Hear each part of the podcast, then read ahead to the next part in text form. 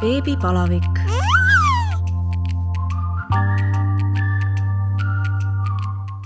tere tulemast kuulama Õhtulehe podcasti Beebipalavik. mina olen saatejuht Katariina Toomemets ja täna on minu külaliseks lasteõde Hanna, kellega me võtame läbi kõik erinevad probleemid ja mured, mis ühel lapsevanemal võivad haige lapsega või siis ka mitte haige lapsega ette tulla. tere, Hanna! tere! Eh, Hanna peab Instagramis sellist lapsevanematele väga eh, kindlasti olulist ja, ja tähtsat eh, kontot nagu lasteõde, nagu nimigi ütleb, ja Hanna, räägi alustuseks iseendast, kes sa oled, kui palju sul lapsi on ja, ja kuidas sa leidsid tee siis lasteõenduseni?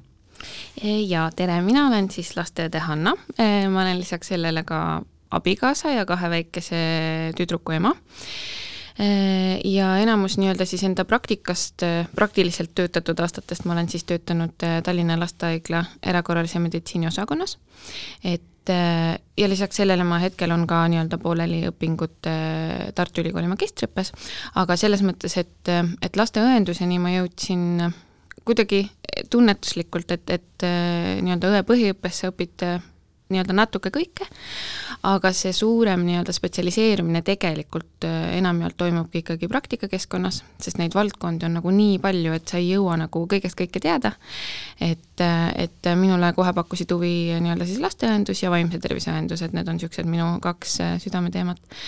et ja kuidagi läks niimoodi ja minu meelest näiteks laste, noh üleüldse lastega töötamine, ega see suures osas ei ole see, et noh, ma ei tea, et mulle meeldivad lapsed, et no tihti põhjendatakse võib-olla seda, et no mulle mm -hmm. meeldivad lapsed või nagu et no ma arvan, et sellel on sellega vähe pistmist, selles mõttes, et pigem on see, et kui sa saad sellega hakkama, kui sa saad lastega hakkama, kui sa leiad nendega ühise keele, kui sa suudad nii-öelda nendega saada mingi see ühisosa, sellepärast et laste puhul on eriti keeruline just nagu õenduse mõttes see, et et su patsient ei ole kunagi ainult laps mm, -hmm. et see on alati perekond ja, ja see, et nagu lapsevanematega leida see ühine keel, mõnikord vanavanematega äh,, eks ju, siis kuidas näiteks rääkida kolmesele, et me hakkame kanüüli panema, kuidas viiesele, et, et juba seal on nagu hästi suur erisus ja kui sa nagu nii-öelda et see on selles mõttes niisugune väljakutse, aga kui sa nagu saad sellega hakkama, sest noh, minu meelest võiks ka rohkem olla sellist noh, üleüldse eks ju õenduses, aga eriti lasteõenduses sellist äh, noh, mida me tänasel päeval kodus väga palju enda lastega, eks ju, proovime jälgida seda kasvatuspsühholoogia alast mm, -hmm. seda seesama, et laps on väike inimene, eks ju, mitte lihtsalt laps ja et äh, ta väärib äh, austust ja teadmisi ja seesama, et noh, mina ka iial osakonnas näiteks lapsele ei teinud enne mitte midagi, ma ütlesingi, et me räägime kõigepealt kõik ära, me ei hakka niisama, eks ju, midagi tegema mm -hmm. ja, ja just seesama, see ausalt rääkimine, eks ju, et kui midagi on valus, siis tuleb seda lapsele öelda, hästi oluline on kodune ettevalmistus, et vanemad saavad tegelikult ise nagu hästi palju ära teha selle jaoks aga ühesõnaga siis niimoodi ma jõudsingi lihtsalt äh, laste, lasteõenduseni ja, ja, ja nii-öelda viimastel aastatel, kuna mul on kaks väikest last, et siis ma olen nii-öelda saanud kodus väga palju seda erialast tööd praktiseerida, sest väiksed lapsed on kogu aeg haiged nii nad on. nii, sa tahad pausi teha? mulle tundus, et sul on ebamugav, kui sa tahad patja selja taha, siis ma teen seda. ma panen. aitäh, natuke oli. nii, ma lõikan välja selle mm -hmm. maha, kõik hästi.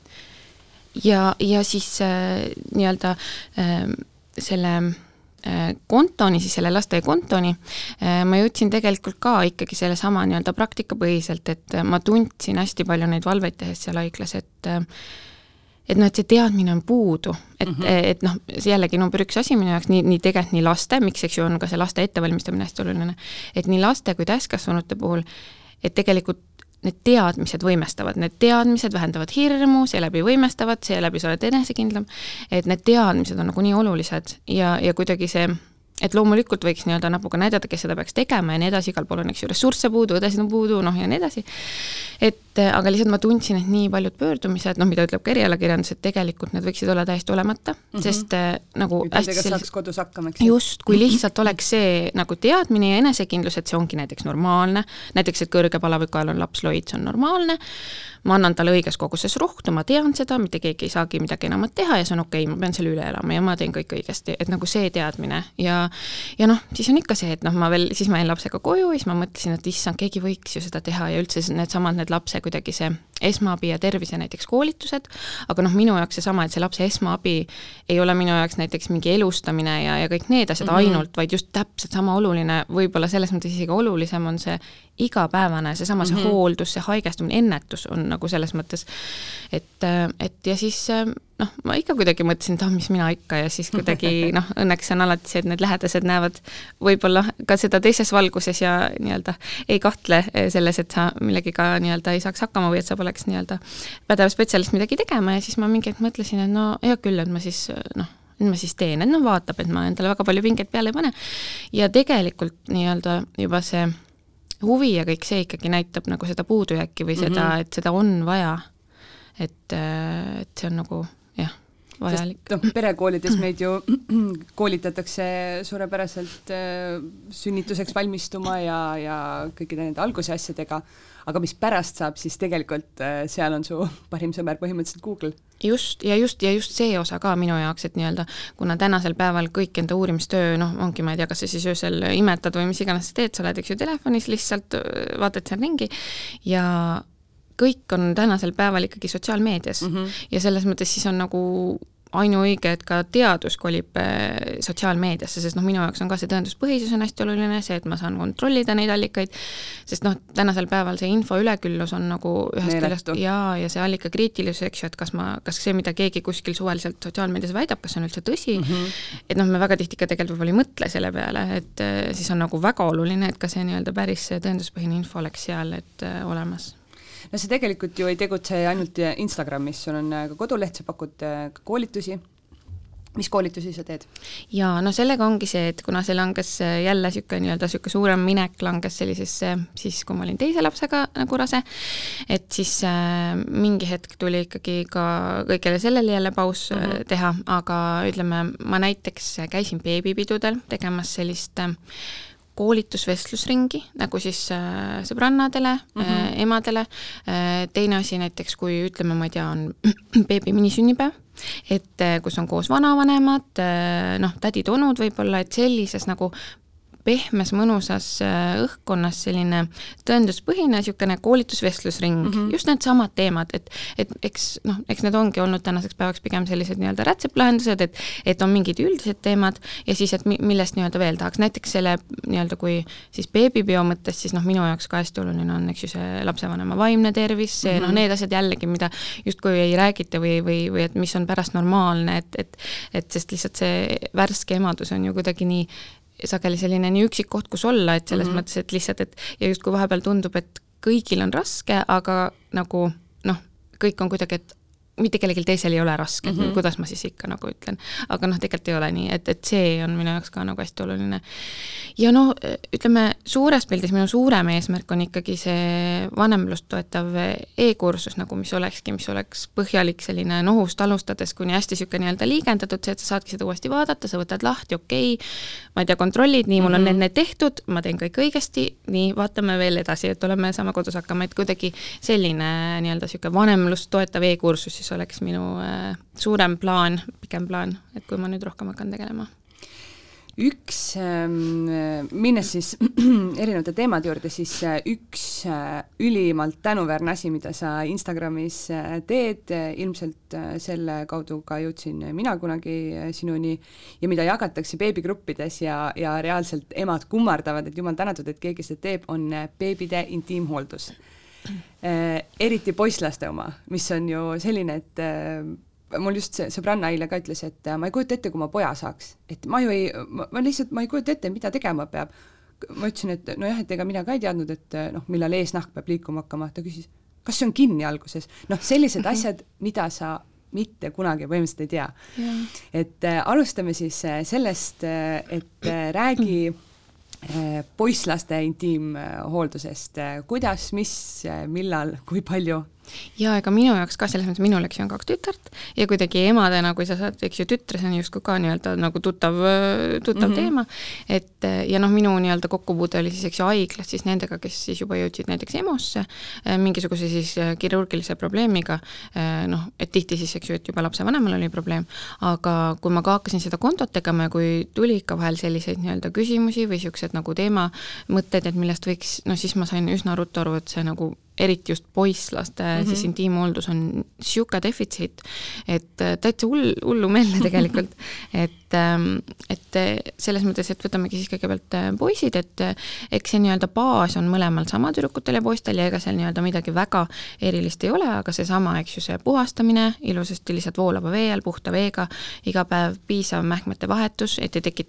tekiks seal seda nii-öelda soodsat keskkonda mm, bakterite seal vohamiseks ja haudumiseks kui on mingisugune juba lööve või nahaärritus, siis mingisugust antibakteriaalset salvi äh, või seda äh, nii-öelda noh, mingisugust näiteks peepanteeni peale panna, õhuvannid, äh, et see on selline nii-öelda selline kuidagi siis vastsündinuse, eks ju, see abc, aga kui me võtame nüüd konkreetselt poisid, siis seesama, see peenise ja eesnaha teema, et esiteks seda eesnahka ei tohiks jõuga, selles mõttes jõuga, et lihtsalt üleüldse tagasi liigutada sealt, Äh, tegelikult ei tohikski üldse esimestel eluaastatel, sest see ei ole absoluutselt vajalik ja vastupidi, et kui seda nii-öelda vägisi seal liigutada, siis äh, võivad sinna sellised äh, nagu väiksed mikrohaavandid tekkida, mis omakorda siis võivad pärast üldse põhjustada seda, et see eesnahk on nagu kitsenenud ja ta ei tulegi sealt eriti hästi ära mm. -hmm. et esimestel eluaastatel ta ei liigu, ta ei peagi liikuma seda ei tohiks tõmmata ise tagasi, et see ongi just pigem kahjulik. ma tean, et mõned võib-olla veel just võib-olla see on sellistes vanakooli äh, arstide seas, et nemad noh, et siin see info vastuolu on jälle hästi selline äh, nagu keeruline, samas ikkagi tänane tõenduspõhine kirjandus ütleb, et see ei ole nagu vajalik ja mhm. vastupidi, et see võib olla nagu just nende pidevalt tekkivate siis nende väikeste haavandite tõttu pigem ohtlik ja tegelikult see peenisepea on suuteline täiesti esimestel eluaastatel ise puhastuma et äh, hiljem justkui nii-öelda need noh, siis nimetataksegi neid nii-öelda liideteks, et need, kui need liited lähevad sealt ise lahti ja see eesnahk hakkab nagu vabalt liikuma, et siis see nii-öelda see aine, mis sinna alla koguneb, siis rasust ja kõigest sellest, et siis, kui need liited on lahti, siis tuleks hakata igapäevaselt ka siis selle peenise pea nagu siis eesnaha alt puhastama mm. -hmm. aga alles siis, kui see tõesti ise niimoodi nagu liigub, et sa noh, õrnalt, eks ju, noh et et ja siin on nagu see osa, et paljud väikesed poisid siis, eks ju, ise mudivad seda ja teevad ja tegelikult selles mõttes see on hea, sest nad ise nagu siis füsioloogiliselt aitavad kaasa mm -hmm. sellele, et see nii-öelda, et need liited läheks lahti, et see mudimine ja kõik see nagu aitab kaasa et ja samamoodi, kui laps ongi juba natukene suurem, siis võib paluda tal näiteks vannis olles lihtsalt paluda tal ise, et, et, et sa või, et vaata, kas sa natuke tõmbad seda sealt eesnahka nagu eest ära. et ja kui ta nii-öelda on nii-öelda et siis saab nagu selle järgi saab ka vaadata, et kas juba seal nagu midagi natuke liigub mm. -hmm. aga ütleme, see tavaliselt lähevad liited lahti kuskil selliseks kolmanda eluaasta kanti, võib vabalt ka alles kuueaastaselt minna, et siis mingi hetk, kui nagu sinul lapsevanemal on mure, et siis absoluutselt võib esiteks, eks ju, pereõe, perearstiga rääkida ja on võimalik minna siis ka lastekirurgi vastuvõtule, kes siis vaatab nagu üle selle asja mm. -hmm. aga üldiselt ma ütleks, kui kõik on nagu okei okay ja normaalne, kõik nii-öelda pissimise ja kõigega on okei okay,, et siis tegelikult see ei ole nagu mure, et et see lihtsalt ongi niimoodi, et ta lähebki äh, nii-öelda, et esimestel eluaastatel see ei peagi liikuma mm. -hmm. ja, ja, ja teine asi muidugi on see, et siis mingi aeg, kui see äh, laps siis ise rohkem hakkab seda seal äh, nii-öelda katsuma ja siis võiks vahepeal kontrollida, et see eesnahk ikka ilusti tagasi saaks mm, -hmm. et see on ka hästi oluline et liited lahti tähendab siis, tähendabki siis seda, et eesnahk liigub äh, täiesti ja, vabalt? jah, jah, et nii-öelda sellepärast ta ei liigugi alguses füsioloogiliselt, et seal on sellised nii-öelda liited, et see eesnahk nagu ei liigu, ja siis, kui need nii-öelda avanevad, siis ta hakkab ilusti liikuma. et äh, ja see käibki täiesti niisugusel erineval ajal. siis, kui poiss, laps siis on juba natukene suurem, äh, kui ta juba saab nii-öelda asjadest aru, siis tegelikult võimalikult vara tulekski talle rääkida sedasama, et kuidas noh, mis see on, eks ju mm -hmm., noh, jällegi üks minu jaoks hästi oluline teema, mis otseselt ei puuduta võib-olla tervishoidu ja meditsiini, aga on selline kasvatuspsühholoogiaalane teema, on see, et, et lastele rääkida suguelunditest õigete nimedega et see ei ole nagu, et ma saan aru, et mida põlv pigem peenis, mitte nuku? jaa, sellepärast, no sest see on peenis ja, ja selles mõttes, et nagu küünalnukk või, või varbad või mm -hmm. juuksed, et noh, see et, et nii-öelda ma, ma ei saa aru, mingisugune selline valehäbi tunne tekib lihtsalt nii-öelda jällegi tänu, eks ju, siis eelnevatele põlvedele, sest vanasti see oli niisugune teema, et issand mm, -hmm. ma ei tea, mis sa räägid, et noh, see, aga see ei ole mitte kuidagi nagu adekvaatne. ja, ja, ja isegi nagu veel sellest edasi, et noh, et ainuke ebamugavus võib-olla ongi siis täiskasvanud, sest laps mm -hmm. ei tunne sellest absoluutselt mitte mingisugust ebamugavust. ja noh, minu jaoks see on seesama siis see austava vanemluse põhimõte, et lapse keha on tema oma mm -hmm. ja ta väärib seda teadmist enda kehast, mis kehaosad tal on, need on tema omad, ja, ja tegelikult kuni selleni välja, et, et, et on tehtud äh, ka tõenduspõhist tõenduspõhiseid uuringuid, et see nii-öelda, kui lapsel on tõesed ja nii-öelda piisavad teadmised enda kehast, siis see tegelikult aitab ka vähendada näiteks äh, väärkohtlemisel mm -hmm. seda näiteks, et seksuaalsel väärkohtlemisel siis, et need lapsed äh, võivad saada varem abi ja, ja siin ei ole isegi selles mõttes, et okei okay,, noh, ma ei tea, et kas, keegi mul vist mingi aeg ka küsis, et põhimõtteliselt, et mis vahe on abi saamisel selles, kas ma ütlen, ma ei tea, nuku või peenis. et jah, otseselt selles mõttes ei ole, aga just see asi, et me räägime ausalt ja vabalt sellest, et mis, mis see keha on, on ju, see keha on sinu oma, ja need lapsed suurema tõenäosusega julgevad öelda, kui midagi mm -hmm. nii-öelda on tehtud või midagi kuskil on valesti, sest nad noh, teavad, et see keha on nende oma, neil on sellised, sellised organid, et, et see nagu väljendub selles, et siis nad äh, võivad saada nagu rutem mm -hmm. abi.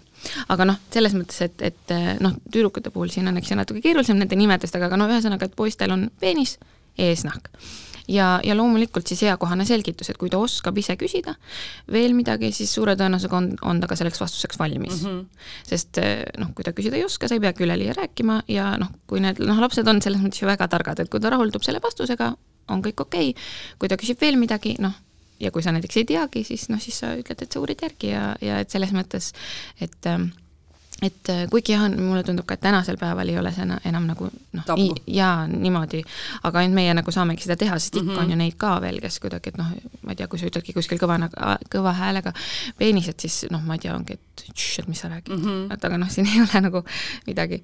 et äh, ja, ja siis selline noh, nii-öelda ja kui laps ongi juba nii vana, eks ju, et äh, ta teab neid asju, et siis ja see eesnahk nagu liigub vabalt, ütleme, ma ei tea, näiteks niisugune viieaastane poiss, et siis, siis ikkagi tuleks jah, talle seda õpetada, et kui ta iga kord, kui ta käib näiteks, kui ta käib vannis või, või duši all, et siis ta ilusti peseks sealt alt ka mm, -hmm. selles mõttes, et tõmbaks selle eesnaha natuke eest ära, noh, tõmbaks sealt veega üle ja, ja hästi oluline on see ka samas, et, et see eesnahk saaks alati pärast tagasi peale mm. -hmm. et see on ka väga oluline, sest need äh, nii-öelda sellised kirurgilised probleemid siis, millega jõutakse lõpuks EMO-sse poisslaste puhul, on niisugused kõige levinumad, on äh, eesnahapõletik see on siis, kui eh, nii-öelda sealt kõik eh, peenise ots on kõik punetav, turses, eh, neil on sageli siis pissida valus, et see on üks sagedasem asi, noh siis on see fimoos ehk siis eesnaha kitsesus, ongi see, et ta nagu siis sealt väga ei liigu, siis noh, see tekitab ka sageli vanematel muret. Mm, -hmm. kuigi noh, sageli ongi see, et sellega tegelikult ei olegi väga midagi teha ja see on normaalne, see ajapikku laheneb ja, või kui ei lahene, siis saabki minna kirurgi vastuvõtule, kes siis vaatab, et selles mõttes, kui lapsel endal mingeid vaevusi otseselt ei ole, siis tegelikult see ei ole nagu mm -hmm. probleem. ja siis selle nii-öelda vastand on siis see parafimoos, kui see, kui see eesnahk jääb nii-öelda e pealt ära mm. -hmm. ehk siis ta on läinud sealt pealt ära tõmmatud, ja ta on juba olnud tükk aega sealt nii-öelda ära, siis lihtsalt see peenise peal läheb kõik turse, seda ei saa enam ise tagasi, see on lapsele väga valus. ja siis tuleb, see on küll üks asi, millega siis tuleb tegelikult lihtsalt minna EMO-sse, et siis kirurg selle seal eh, kohaliku nii-öelda toimestamisega tõmbab tagasi peale mm, -hmm. et seda siis enam tegelikult ise nagu tagasi peale ei saa et eh, ja siis niisugune noh, ma ei tea, siis suuremate laste mured võib-olla see, mida, mida on ka beebidel, on veel siis näiteks eh, munanditorsioon, ehk siis kui see nii-öelda läheb seal keerdu, et see on kas siis mm -hmm. nii-öelda vastsündinutel, et siis see neile nagu tavaliselt valu ei põhjusta ja siis nagu enam selle nii-öelda munandi funktsiooni nii-öelda siis töö säilitamiseks enam niikuinii väga midagi ei ole teha, et see on lihtsalt selline noh, lihtsalt see on nagu siis äh, nii-öelda lihtsalt, lihtsalt tekkinud loomuomaselt aga sageli on näiteks sellistel teismelistel, et niisugune viieteist-kuueteistaastasel poistel, et kui on ikkagi niisugune järsk ja tugev valu munandis ja see läheb nagu turse ja valutab, et siis peaks päris ruttu ikkagi ka EMO-sse minema, et siis, siis on võimalik seal vaadata ultraheliga seda, et kas seal kõik nii-öelda veel toimib ja mm -hmm. siis mhm. kirurg saab nagu aidata, et et seal on nagu see aeg hästi kriitiline issand, poja emaks olemine läks äh, veel hirmsamaks. Jaa, aga samas jälle seesama asi, et teadmised võimestavad, see, kui sa tead, okei okay,, ja siis mõtled, et see ei tähenda, et sa võiks nagu nii-öelda paanikasse ja närvi mm -hmm. minna, ikka see on normaalne, aga lihtsalt, et sa tead, et, et mingid asjad on normaalsed, just mulle tundubki lapsevanemate puhul nagu hästi palju on seda, et et tegelikult on nii-öelda nii-öelda, ma ei tea, maakeeli öeldes, niisugused inetud asjad, noh, ongi laps on loid, ta oksendab, tal on paha olla, kõik niisugused asjad, seda on lapsevanemana hästi valus vaadata mm -hmm. ja sa tahaks nagu selle kohe ära võtta. aga hästi paljud on sellised asjad, kus sa ei saa mitte midagi eriti teha mm -hmm. ja sa peadki lihtsalt ise leidma selle rahu endas, eks ju, et sa, nii, kõik on korras, ma saan hakkama, ma teen kõik õigesti ja tegelikult siis sa saad nagu hakkama, et, et, et selles mõttes võib-olla ka kuidagi et lihtsalt jah, et hirmus ongi ju see, kui sa ei tea, kui mm -hmm. sa mhm. näed lihtsalt, et okei okay,, nüüd on mingi niisugune asi appi, mida ma teen, et, et loomulikult asjad ju lähevad ka nii-öelda meelest ja sa peadki neid meelde tuletama ja, ja sellised asjad ja kui see sind nii-öelda end näiteks noh, minul, eks ju, poisslapsi ei ole, et, et suure tõenäosusega mul seda teadmist otseselt, eks ju, nii-öelda -hmm. enda praktikas vaja ei lähe kodus, aga just seesama, et kas või kui noh, ongi, kui sa tead mingeid asju, siis, siis on ikkagi nagu lihtsam seda ka pärast kuskilt otsida või mm, -hmm. või teada, et äkki noh, et ma vist midagi sellist olen nagu kuulnud üks küsimus äh, poisslaste teemal, mis äh, nüüd konkreetselt ei puuduta küll äh, intiimhooldust, aga siiski intiimpiirkonda. me kõik teame ju, kuidas, meie kuulajad ilmselt on kõik lapsevanemad, me kõik teame, kuidas see mehe peenis töötab. mis hetkel hakkab see lapsel siis ütleme samamoodi töötama, et kui ta seda katsub, see läheb kõvaks, mis hetkel peaks mõtlema selle peale, et kas see on normaalne, kas see on imelik, kõik sellised küsimused. ja no eks see käib natukene selle nii-öelda siis, nii-öelda selle teoreetilise teadmise poolega kaasas seesama osa, et see, et väikesed lapsed näpivad enda suguelundit, see on väga normaalne, sest ja noh, ja ka ma ei tea, niisugune, et et mõelda, et mingi, et, et neil, nende eesmärk Nad, nad lihtsalt on uudishimulikud mm, -hmm. nad vaatavad, mis see nende keha on, see on täiesti normaalne, siin ei ole nagu mitte midagi imelikku või noh, loomulikult siis jälle seesama see kasvatuspsühholoogia osa, et võib-olla kui laps on juba natuke suurem, noh, jälle sama asi, et mingil hetkel me peame ju lapsevanemana rääkima neile ka mm -hmm. kõikidest nendest noh, seksuaalselt puudutavatest puudutavatest asjadest ja nii edasi. et noh, siin tuleb ka alati jälgida, eks ju, lapse valmisolekut ja tema, no suure tõenäosusega nad hakkavad küsima asju, sest mm -hmm. esiteks, mida väiksemad nad on, noh, neil ei ole sellist mingisugust valehäbi või mm, -hmm. või mhm. midagi ja siis ongi see nii-öelda meie võimalus midagi, eks ju, seletada ja selliste asjadega, noh, ma ei tea, mõnda, kui häirib, ma ei tea, et noh, laps, ma ei tea, näpibki äh, suguelundeid, no selles mõttes, mida me saame talle võib-olla seletada ja öelda, on noh, kindlasti ei tohiks öelda, et ei, seda ei tohi vaata mm -hmm. katsuda ja nii edasi. Äh, sest noh, siis tekib ka jälle seesama omakorda see valehäbi kuidagi, et okei okay,, see on mingi selline teema, et mm -hmm. nagu mhm. noh, seda peab mingi jah, aga me nagu lapsevanematena võime rääkida, et me lihtsalt oleme nagu kollektiivselt siin kokku leppinud, siin kõik, kes me siin maailmas elame, et see on selline asi, mida et, et noh, suguelundid on sellised asjad, et kõik nii-öelda need on, hoiavad need endale, et, et me noh, ma ei tea, et me ei käi niimoodi, kus me oleme bussis, noh, et siis noh, me ei võta seda kuskilt ja. välja ja siis, et see lihtsalt ei ole viisakas teiste mm -hmm. juuresolekul niimoodi, ma ei tea, näppida või neid noh, et me saame nagu seda, seda nagu rääkida, et lihtsalt, et see on väga okei okay, kodus, kui sa oled noh, palun, aga et, et, et me lihtsalt oleme kokku leppinud, et niimoodi on viisakas, et me kuskil mujal niimoodi ei tee.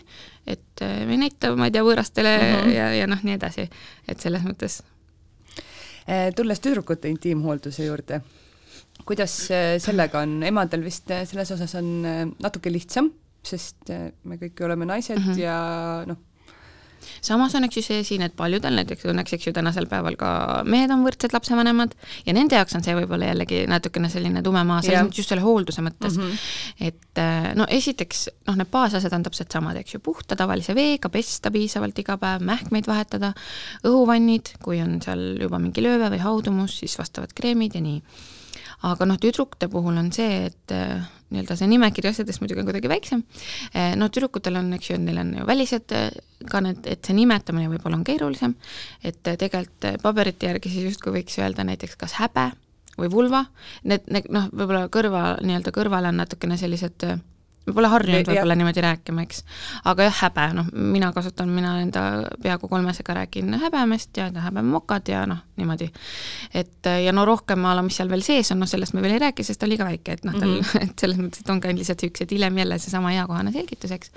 ja noh, erinevalt poistest siis eh, seda ei ole ju ka näha, mis seal sees on. just, noh. jah või et näiteks kust, ma ei tea, tuleb, eks ju, jah, et selles mõttes, et see on ka täitsa selline eakohane. tüdrukutel on see erisus, et tõesti, et need häbememokad tuleks ilusti nagu puhtaks saada. ja siin kehtib niisugune reegel, mis üldse, ma ei tea, näiteks haavahoolduses või mis iganes, et et puhtamalt kohalt mustemale minek mm, -hmm. siis nii-öelda, et kui sa puhastad, siis kõigepealt need sisemised häbememokad, ja siis välimised, sest sisemised on nii-öelda puhtamad selles mõttes, et nad on seal sees, nad on kaitstumad nende välis nendest, et siis ja, ja teine asi, mis on väga tähtis, eks ju, et, et siis nii-öelda eestpoolt tahapoole, et mitte mm -hmm. nagu päraku juurest ettepoole, mis võib-olla on üks asi näiteks, mis võib-olla sageli noh, no mida tasub näiteks siis isadele mainida, et et mhm. lihtsalt seesama asi, et ja selle mõte ongi see, et siis need, sealt need soolestikust siis need bakterid ei satuks sinna õrna, õrna keskkonna, sinna mm -hmm. tupekeskkonda nagu ja, ja see on nagu see oluline. tüdrukutel selliseid kirurgilisi probleeme nii palju otseselt ei ole, noh, põiepõletikud, mis ei ole kirurgiline probleem, aga et põiepõletik on võib-olla just sellistel väikestel tüdrukutel sagedasti noh, seesama asi, et et need, need teekonnad nii-öelda on palju lühemad kui täiskasvanutel veel võib-olla mm -hmm. ja noh, ja tüdrukutel ja poistel see kusiti ja kõik see nii-öelda see nii-öelda on, tüdrukutel on see lühem kõik see mm -hmm. teekond, ehk on palju kergem, et need siis need bakterid satuvad sinna, kuhu nad ei peaks, on ju, sealt kas või näiteks sealt soolestikust, et sellepärast neil on nagu niisugusem soodsam pinnas nende näiteks põiepõletike tekkeks. aga noh, tüdrukute puhul selline võib-olla ainuke, mis, mida tüdrukutel on, mida ka võib-olla vanemad vahepeal ehmatavad ja nad ei tea sellest, on, on need labiaalsed liited, ehk siis noh, maakeeli öeldes häbememokkade kinnikleepumine Mm -hmm. et need sisemised, siis need sisemised häbememokad mõnikord kleepuvad kokku äh, ja ei tule nagu lahti väga. ja selle põhjus on tegelikult puhtalt äh, hormonaalne, et tavaliselt selline olukord laheneb iseenesest, äh, lihtsalt siis ongi ainult see nii-öelda jälgimine Äh, et sageli no eriti noh, teismeheks eriti kindlasti, sest siis hakkab lihtsalt see keha rohkem noh, et hormonaalne tasakaal niivõrd palju muutub ja mm -hmm. keha hakkab rohkem to tootma seda hormooni, et siis, siis nii-öelda see laheneb ja nad ei kleepu enam kokku. loomulikult noh, nii-öelda mida ise saab teha, seesama see korralik, eks ju, puhastamine sealt häbememokkade vahelt aga noh, kui nad ikkagi, kui see hakkab nii-öelda ikkagi segama, näiteks et ma ei tea, urineerimisel on, ma ei tea, kuidagi kas tilgub või, või üldse see on kuidagi seal või on mingi valu või, või et siis kindlasti võib pöörduda arsti juurde ja, ja vajadusel siis näiteks äh, nende liidete jaoks äh, määratakse hormonaalse sisaldusega kreem, mis siis aitab need nagu lahti teha, samas on see, et need võivad tulla tagasi sest mm -hmm. ega keha ikka ei tooda selles mõttes seda jah, seda, et, et aga lihtsalt ma tean, et äh, noh, isegi kui ma noh, ka noh, kui ma ise teen ka näiteks sealsamas Instagramis mingit uut postitust, ma vaatan, noh, et ma tean, eks ju, neid asju, aga ma vaatan alati need kõige uuemad infod üle mm -hmm. ja need äh, küll valdavad, eks ju, teadusartiklid, aga eks ma olen ka elus sattunud ikka kuhugi foorumitesse, et, et siis näiteks see on ka üks teema, mille puhul on palju näiteks, mida ma olen näinud kuskil foorumis, et et appi, et mis asi see on või mm, -hmm. või et noh, et, et pole kuulnud elu sees, et mingi niisugune asi võiks juhtuda mm, -hmm. et mingid häbemokad kleepuvad kinni. et ähm, see on selles mõttes jah, normaalne ja kui see, kui see nagu mingisuguseid vaevusi ei põhjusta, et ta üldiselt ikkagi laheneb nagu iseenesest mm. -hmm. aga kui on nagu mure ja, ja siis tõesti need hormonaalsed kreemid ähm, üldiselt aitavad ja, ja see ei tähenda, et ta peab pärast uuesti kinni kasvama, lihtsalt ta võib korduvalt mm -hmm. nagu teha seda kui palju sul äh, näiteks seda ette tuleb, et, äh, et lapsevanem, kas siis äh, ema oma poja kohta või, või isa oma tütre kohta kuidagi on seda, et et issand, et ma olen vastassoost, kuidas ma nüüd teda sealt katsun mm? -hmm. võib ju noh, ikka juhtuda. mis sa neile inimestele ütleksid? ma ei tea, ma isegi, ma ise otseselt ei olegi sellega kokku puutunud, aga no ma ei tea, siin on jälle seesama ikkagi see lapse asi tegelikult see, et eks ju, kui me räägime lapsele, et jah, et su keha on, eks ju, sinu oma ja on olemas mingid kindlad turvalised täiskasvanud, kes nii-öelda võivad sind aidata näiteks mm -hmm. sealt tõesti, eks ju, sellel puhastamisel, noh, vastsündinuga, no ma ei tea, selles mõttes, et sa ju nagu noh, et ma isegi noh, ma ei tea, isegi ma ei mõtleks seda niimoodi, et selles mõttes vastsündinul sa ju puhastad, ma ei tea, vahet ei ole, kas sa oled isa mm -hmm. või ema või, või vanavanem, et suurtematel lastel absoluutselt, näiteks mina ka, et see kehtib nii-öelda see keha autonoomsus ja kõik nii edasi kehtib ka siin, et mina ka enda lapsel näiteks ei äh, ütle, ma ei tea, et ta peab kallistama ka mm, -hmm. mitte ka vanavanem ja nii edasi, just seesama, see, et tegelikult ka seesama on tegelikult seotud sellega, et sa õpetadki lapsele, et ta keha on tema mm -hmm. oma, tema ise otsustab. et noh, võib-olla siis, kui laps on natuke suurem ja ta näiteks ise ei taha, et ma ei tea, ma ei taha, et ma ei tea, vanaema mul noh, siis, siis on okei okay,, siis, siis ei pea nagu, ei saa sundida.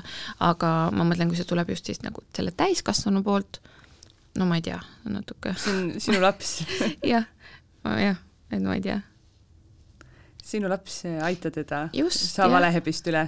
no lihtsalt, et inimestel võib see tekkida, noh, vahet ei ole, kas jah, ja see on okei okay,, aga lihtsalt jah, et siis äh, proovime siis äh, nii-öelda muuta seda. Äh, üks ähm, asi, mis ähm, on äh, väga oluline, on selline jutumärkides väike nohu. enne kui sa saad lapse, siis äh, ja tegelikult äh, enne koroonaaega oli ju alati okei okay, väikese nohuga seltskonda minna, keegi üldiselt kunagi selle peale nina ei krimpsutanud nüüd äh, näiteks mul on aasta ja viiekuune laps, et äh, noh, nüüd on see, et kui keegi ütleb, et ah, tead, mul siin äh, sain külma, mul on väike nohu, siis ma ütlen, et hoia eemale, sa ei, sa ei astu meie uksest sisse, ma ei tule selle lapsega kuhugi. kui su lapsel on nohu, noh, ei, ei mm, -hmm. laps ei puutu kokku kellegagi, kellel on väike nohu või külmetus. ma tean, sina lasteõena ütled, et külmetust ei ole olemas mm, -hmm. teeme nüüd siis selgeks, mis selle külmetusega on ja, ja ja, ja mis temaga ei ole. Ja mul kohe alati vererõhk tõuseb. Et selles mõttes külmetust kui sellist ei ole olemas haigeks ja on võimalik külmetada, selles mõttes see nii-öelda see tegevusena, see, et sa oled õhukeste riietega kuskil äh, märjas, külmas, äh, ehk siis su immuunsus on äh, madalam, su keha peab tegelema lisaks, ma ei tea, temperatuuri hoidmise ja nii edasi, sa oled, su kehas on juba olemas mingisugune võib-olla viirusosake ja tal on lihtsalt nii palju parem saada esile, et okei okay,, praegu on immuunsus nõrgem, tegeleb veel lisaks selle ja sellega, väga hea, nüüd jääd haigeks.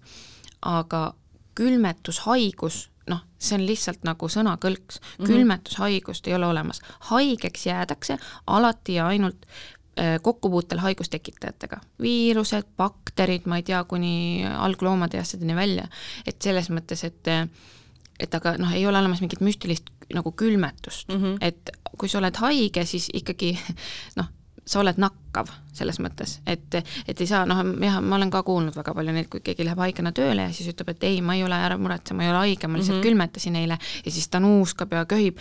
no ta on haige selles mm -hmm. mõttes, et, et ta on ikkagi nakkav, et selles on asi. et ma saan aru, et see nii-öelda see mehhanism, kui selline on võimalik, on võimalik külmetada, eks ju, et sa nii-öelda mm, -hmm. et sa viid selle keha immuunsuse alla ja nii edasi, su kehal on paha olla, tegeleb mitme asjaga korraga ja haigus lööb välja mm, -hmm. selles mõttes see on nagu nii-öelda, mis on võimalik aga see sõnakõlk, see, et ma olen külmetunud, mitte haige, noh, see, see ei ole nagu adekvaatne, sest haigeks jäädakse ainult ja ikka nagu kokkupuutel haigustekitajatega.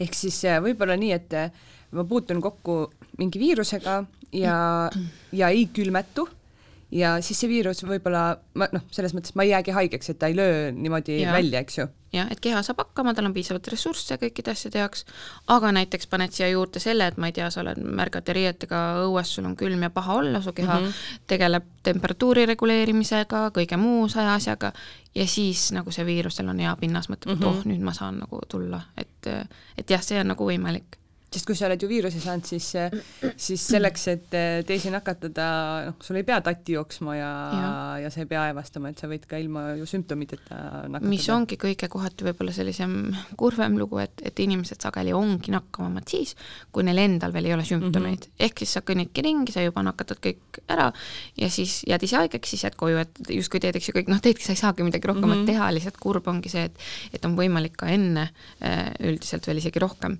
nakatada aga jah, nende noh, nende ja ma tean ka, et hästi palju ütleme, kui jäädakse haigeks, siis kuidagi mulle tundub vahepeal, et inimestel on nagu väga selline et aga mis viirus see on või kust ma selle sain mm, -hmm. et noh, lõppude lõpuks selles mõttes minu meelest ei ole vahet, selles mõttes sellel ei ole vahet, see on nagu täpselt samamoodi, sa ravida nagunii saad ainult neid sümptomeid, leevendada selles mõttes mm, -hmm. et mhm. haigust ravida niikuinii ei saa, kui see on tavaline viirushaigus, sa lihtsalt leevendad sümptomeid. kui asi juba läheb bakteriaalseks, siis on vaja antibiootikumi. ja muid nagu selles mõttes, noh, siin ei olegi nagu midagi teha mm, -hmm. et see, ma ei tea, kust see viirus tuli, lihtsalt, lihtsalt ma, ma kuidagi eriti lihtsalt märkan seda, et hästi palju öeldaksegi, et no ma ei tea, kust ma sain selle mm, -hmm. et ma ei ole käinud mitte kuskil. jaa, aga need viirused, nad on igal pool. sa võid sellega saada oma enda trepikojas näiteks Just, käsi jaa. puu pealt ja siis sa ei ole käsi pesnud, on ju. just, või mees toob koju või lapsed või no mis iganes selles mõttes, et see neid on ju nii, need ei ole nagu, et noh, kuidagi, et ma ei tea, et neid on täpselt kolm tükki ja siis, et mm -hmm. nüüd, kes see tuli, et lihtsalt, et ma saan aru, ma saan aru nagu, et inimajul selles mõttes on hea ja võib-olla vaja seda, et seda nii-öelda selgust ja täpsust mm, -hmm. et mhm. kust ma selle sain, mis ta on ja mis ma nüüd edasi teen mm, -hmm. et ma saan nagu sellest aru, lihtsalt, lihtsalt nagu suures pildis see nagu haiguse mõttes ei anna meile nagu mitte midagi mm, -hmm. mingit lisandväärtust. no sa juba ütlesid ka, et tegelikult äh, inimene on kõige na-, kõige nakkavam veel enne sümptomeid, aga kuidas siis näiteks väikeste lastega on, et kui lapsel on nohuköha, noh, mis iganes, ütleme, et tal ei ole veel kõrget palavikku, kui kaua ma peaks seda nohust last kodus hoidma, kas ma võin temaga õues käia? See on ja see on hästi keeruline teema, sellepärast et noh, see ongi, see on hästi niisugune kohati võib-olla valus teema, et ka enda nii-öelda ise siis lapsevanemana, kelle laps käib lasteaias ja kellel kodus on veel siis veel väiksem laps mm, -hmm. kes eks ju ka kõik need haigused saab ja see talv ja sügis ongi olnud täiesti kohutav, et et, et selles mõttes see ongi hästi valus ja õrn teema, et ja eriti just see võib-olla osa, et sina teed nii-öelda kõik õigesti, sa hoiad teda kodus mm -hmm. nii, mhm. nagu peab, ja siis sa lähed viite lasteaeda ja siis kell mingil kahel mm -hmm. inimesel ikka tatt voolab, et see, et see on nagu, see on nii, nii valus ja niisugune, niisugune ka hästi niisugune tume maa selles mõttes, et siin ei ole, et, et kuidas ma ütlen, et väga raske on öelda, kunas laps kindlasti ei ole nakkav. Mm, -hmm. et seda ongi väga raske öelda, me saame pigem öelda, kunas ta kindlasti on. Mm -hmm. ja siis, eks ju, nagu selle järgi hoiduda lasteaiast, aga see, kunas ta enam ei ole, et seda on nagu väga raske öelda sellised noh, nii-öelda kuldreeglid, mis ka kuskil mingisugustes näiteks Terviseameti juhendites, nüüd eriti selle koroonaga tulid ju veel mm -hmm. täitsa niisugused uued nii-öelda, et äh, on näiteks, kui on mingisugune palavikuline viirushaigus, siis äh, noh, kakskümmend neli tundi pärast palavikku, kui sa oled kakskümmend neli tundi ööpäeval, oled olnud palavikuvaba, siis tegelikult noh, võid nagu minna, võid minna õue, võid minna lasteaeda, aga jälle siin on noh, kuidas ma ütlen, jällegi see on üks teema, kus nii-öelda mustvalget on väga vähe, on mm -hmm. hästi palju halli, hästi palju sõltub ka, eks ju, lapsevanema enda hinnangust.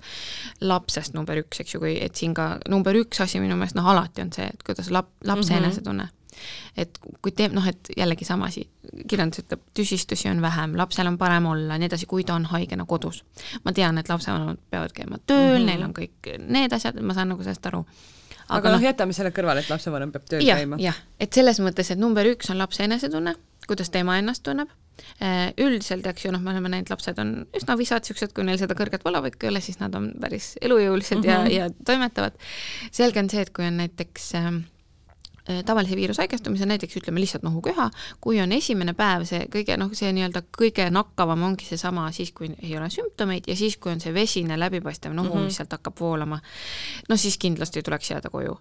Äh, no ja ütleme, sellise tavalise nohuga niisugune noh, ma räägin, siin on raske, et see ei ole nagu mingisugune äh, kindel kinnitus, aga mm -hmm. noh, mina ütleks, et selline esimesed kolm-neli päeva peaks kindlasti olema kodus ja siis ütleme, kui see jääb, ütleme, et see ongi ainult see nohu, lapsel on väga hea olla, see tatt on ka võib-olla juba niisugune rohekas, kollakas, ta peab nuuskama võib-olla niisugune noh, paar korda päevas mm -hmm. on ju, näiteks võib-olla õues, sest noh, õues ju tuleb ka rohkem, noh, et siis see oleks nagu okei okay., et siis idee poolest ta ei tohiks enam olla nii nakkav mm -hmm. üldsegi, noh, see, nohuga on seesama, et kui see nii-öelda see vesine periood ja see kõik on möödas, siis noh, tegelikult ta ei tohiks olla nakkav et jälle seesama asi, et suure tõenäosusega isegi kui ta näiteks käis lasteaias ja kui tal midagi ei olnud, siis ta on nii-öelda, nad on juba selle pisikute mm -hmm. vahetamise ära teinud, selles mõttes nagu vahet ei ole.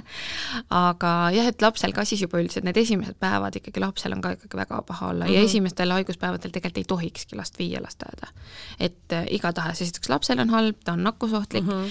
aga tõesti, kui on näiteks selline neljas, viies päev ja tõesti on seesama, et tal on see paar korda võib-olla nuuskab, on ju, päevas siis tegelikult see oleks täiesti okei okay. köhaga on jällegi natuke keerulisem, sest köha iseenesest on niisugune väga pikk haigus mm, -hmm. et nii-öelda tegelikult selliseks nii-öelda äge köha, äh, mis on siis nii-öelda selline äge haigestumine, seda nimetatakse, kui see kestab äh, põhimõtteliselt äh, näiteks kuni kolm nädalat mm. -hmm. see on nii pikk aeg tegelikult.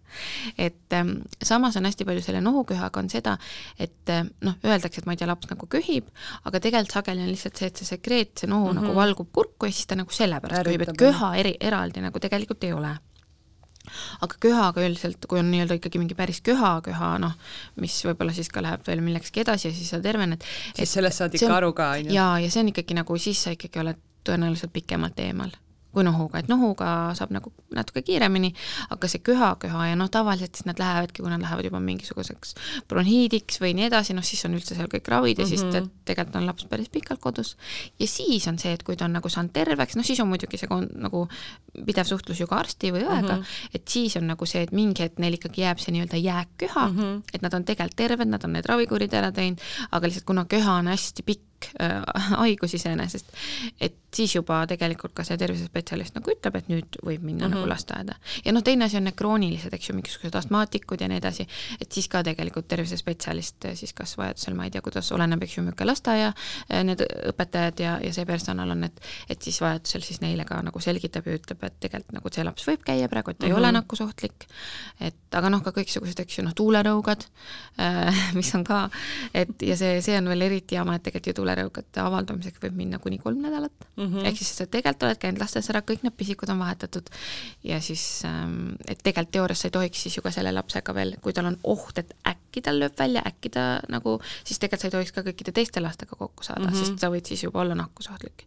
jällegi noh, nii, nii keeruline selles mõttes, et nii, nii keeruline teema on jah, see, et kunas keegi on nakkusohtlik või ei ole, et pigem jah, saab öelda, kunas on, kunas ei ole, aga selline üldine reegel oleks ikkagi selline noh, see lapsevanema enda hinnang ka mm, -hmm. et sa näed, ta on olnud haige, nüüd tal on parem, ma ei tea, ta nuuskab kaks korda, mis on okei okay,, et noh, siis tegelikult on okei okay, ta mm -hmm. viia lasteaeda, et me ei saa, just seesama asi, et noh, kui nii-öelda oleks minu teha ja võib-olla kuidagi selline, et kohati, et jah, number üks asi, et kui laps on haige, ta ei lähe, eks ju, tal on mm -hmm. paha olla, ta ei lähe.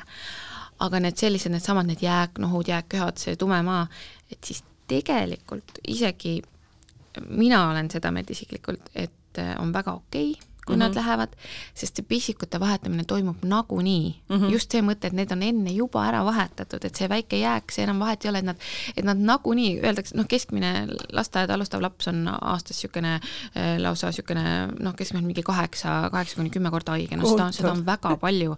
ja just, ja see on väga normaalne, see on väga okei okay,, sest nad peavad enda pisikuid vahetama mm, -hmm. nad teevad seda nagunii et selles mõttes isegi võib-olla, et, et ja mis on ka ja ma saan nende vanemate valust ka aru, kes ongi, ma ei tea, elu eest hoiavad niimoodi, et seda ühte tilkatatti ka mm -hmm. sealt ninast enam ei tule ja siis viivad, aga noh, see ongi seesama nagu, et noh, sina, sina võid teha kõike, aga, aga noh, seal niikuinii elu käib mm, -hmm. et mhm. mis ongi jama ja nõme selles mõttes, et aga, aga jah, et kui ta ikkagi on juba selline see esmased kolm-neli päeva möödas, siis tavaliselt juba, juba on see nohu ka teistsugune ja lapsevanem saab ka sellest aru ja siis, siis pigem on tegelikult juba okei okay no nohu on äh, selles mõttes ka erinev, sa ütlesid, et äh, on see läbipaistev äh, voolav nohu, siis on ju ka kollast, rohelist, ma ei tea, jumal teab, mis värvi see võib olla. Mm, millal peaks, kas, kas ja millal peaks üldse hakkama muretsema, kui see nohu läheb, ma ei tea, teist värvi? no nohuga otseselt ma arvan, ei olegi mingit väga sellist osa, mille pärast peaks otseselt muretsema mm, -hmm. pigem on nohuga see, kui tekivad need tüsistused, ehk mm -hmm. siis lööb kuhugi, on noh, sellest annavad tavaliselt märku muud valud, näiteks mm -hmm. lastele tihti läheb äh, kõrva või põskkoobastesse see, sest lihtsalt need äh, teekonnad siin jällegi, need karbikud on nii väiksed, need teekonnad on nii lühikesed, kus see tatt saab nii-öelda, see tatt on ju ka seal elavad igasugused mikroob, noh, pisikud ja bakterid nii-öelda, et, et neil on jube hea pinnas sealt nagu mm -hmm. minna kuhugi edasi, eriti kui seda tatti ei võta seal korralikult eest ära või, või ei loputata ja nii edasi, et siis on lihtsalt hästi soodne pinnas, et see mm -hmm. läheks kuhugi edasi et siis, aga sellest tavaliselt annabki juba märku ikkagi see nagu valu, kas siis kõrvas kuskil või on mm -hmm. need põsskoopad, eks ju, valusad ja tulevad tihti juurde ikkagi mingid muud asjad nagu palavik mm, -hmm. ehk siis on niisugune märk, et võib-olla on läinud midagi nagu bakteriaalseks põletikuks, et siis niikuinii peab pöörduma nagu arsti mm -hmm. juurde, tegema vereanalüüsid ja, ja näitama ette need aga tavalise nohuga üldiselt ei ole, ma tean, et ma olen kuulnud ise ka sellist müüti, et kui see on selline kollane või kollakas-roheline, et siis mm -hmm. kohe näitab, et tegu on bakteriaalse protsessiga. aga tegelikult ei ole nii, et sellel mm -hmm. ei ole mingisugust äh, tõenduspõhist äh, kinnitust, et see nii oleks, et nohu või selle tati siis värv ei ütle otseselt nagu midagi ja valdav enamus ikkagi on viiruslik see mm -hmm. nohu.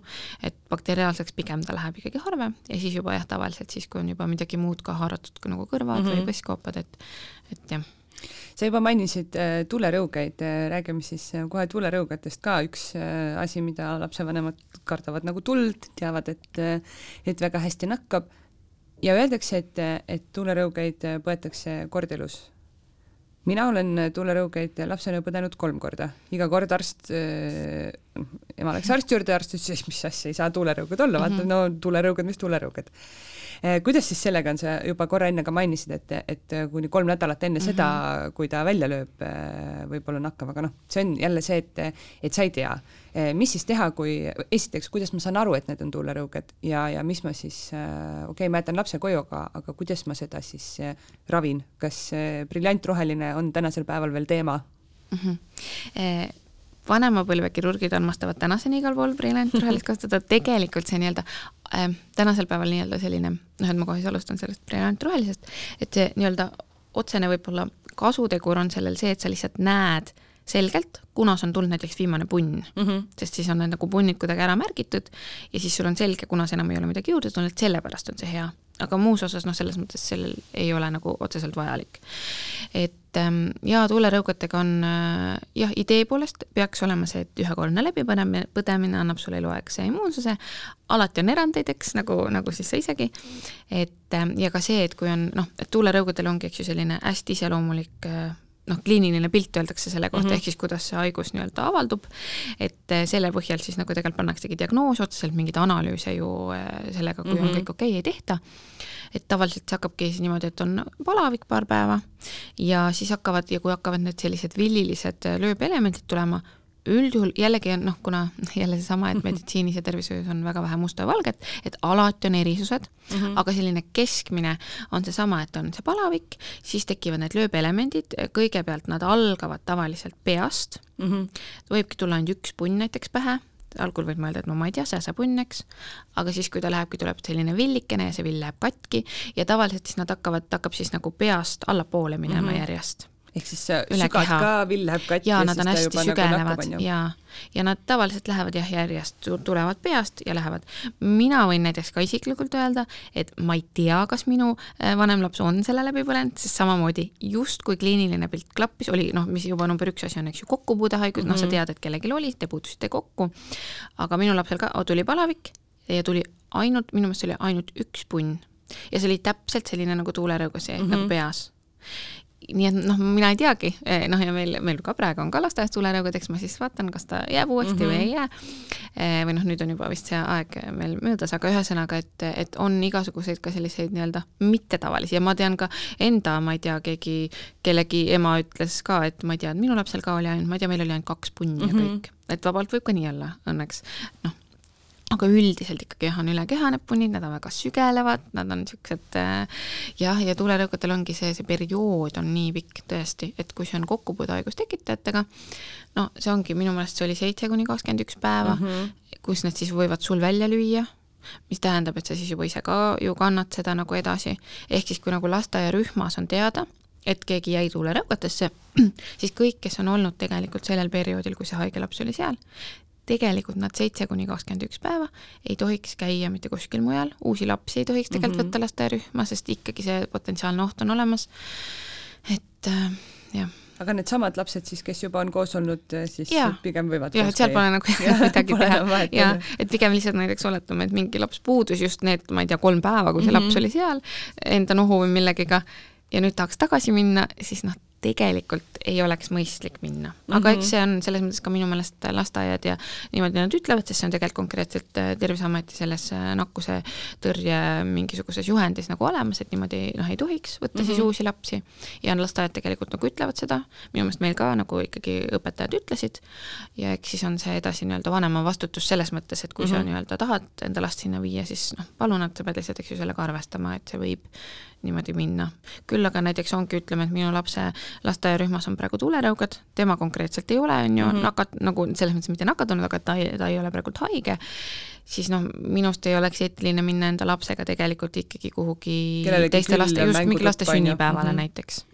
et see nagu jah, midagi ei pruugi juhtuda, aga võib no kui need punnid juba välja löövad, siis eh, kuidas eh, seda sügelust eh, leevendada ja kuidas ma saan aru, et et siis, et see haigus on siis nii-öelda läbi, et äh, vist ju, kas on nii ka, et kui veel on punnid, et siis juba tegelikult võib olla läbi?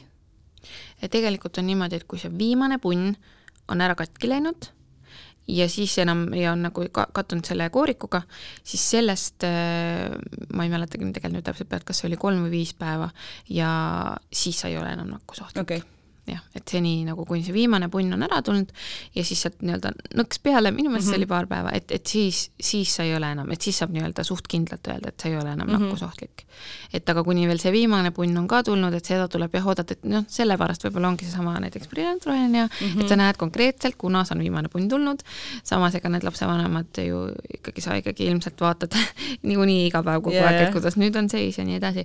et ja kui see on nagu ära tulnud, et ja jällegi näiteks, kui on, noh, ma tean, et hästi palju küsitakse, eks ju, selle ka näiteks ka nende tulerõugetega, jah, et sa ei tohi minna, eks ju, kuhugi mm -hmm. nii-öelda seltkonda või aga näiteks, kui sul on oma maja, kui sul on hoov, siis tegelikult ja laps on palavikuvaba, siis tegelikult sa võid temaga näiteks hoovis mängimas käia mm. -hmm. et äh, kui ei ole nii-öelda teisi, kes potentsiaalselt võiks nagu haigestuda mm. -hmm sest noh, ka jah, lastel ka jällegi päris raske on ka lihtsalt toas istuda, aga noh, eks eluks on jah siis, kui, kui sul on selline koht, kuhu minna mm, -hmm. et mhm. näiteks sellisele kortermaja mänguväljakule ei oleks ilus minna, jah, kas äh, Äh, on äh, kuidagi selles mõttes neid ville võimalik äh, ravida, nende nagu paranemist kiirendada või see on ikkagi, seal käib just see sügeluse leevendamine? jaa, et jällegi nagu väga paljude haiguste puhul, et siin nii-öelda ravida otseselt ei olegi mm -hmm. võimalik, on võimalik lihtsalt sümptomeid leevendada ma ei tea, mina näiteks nüüd alles kuulsin sellisest, no apteegist ka tasub alati küsida mm, -hmm. neil on ka seal, eks see sõltuvalt siis lapse vanusest, et mis need kõige uuemad asjad,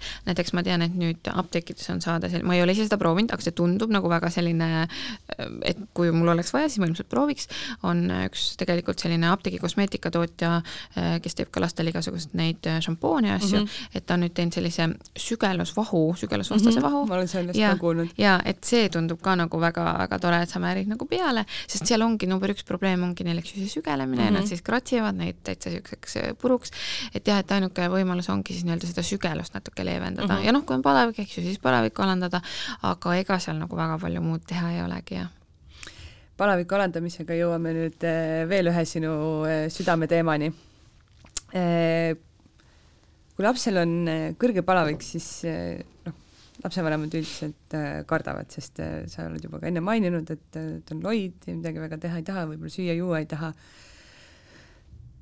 mis on see palavik, kus peaks hakkama palavikku alandama ja, ja kus sa tõesti mõtled, et see juba on nagu kõrge palavik, et noh, kolmkümmend seitse viis ei ole vist päris selline, et, et annad palaviku alandajat mm. -hmm. ise ka ju ei võta ja, ja palavikuga ongi see, see nii-öelda selles mõttes jama, et see on justkui, eks ju, kõige lihtsam asi, noh, sest see on nagu kõige niisugusem sagedasem ja selline, no ma ei tea, igal lapsel on põhimõtteliselt mingi hetk ju olnud palavik mm, -hmm. aga teisest küljest see ongi nagu keeruline, sest seal ongi ka neid hästi palju selliseid jällegi neid nüansse ja sedasama nii-öelda enda hinnangut lapsevanemana olukorrale, sest noh, mitte keegi teine, eks ju, ei ole sinu lapsega mm -hmm. koos, ta ei näe seda, aga noh, number üks selline reegel on esiteks seesama, et äh, jah, palavikuks tegelikult loetaksegi sõltuvalt siis mõõtmiskohast, niisugune alates kolmekümne kaheksast tegelikult üldse, et mis on siis nii-öelda selline nii-öelda päris palavik, palavik ehm,, aga ma ütleks, et mis ma tahtsingi öelda, et number üks, see, mille järgi hinnata näiteks seda lapse olukorda, tegelikult ei olegi see number niivõrd,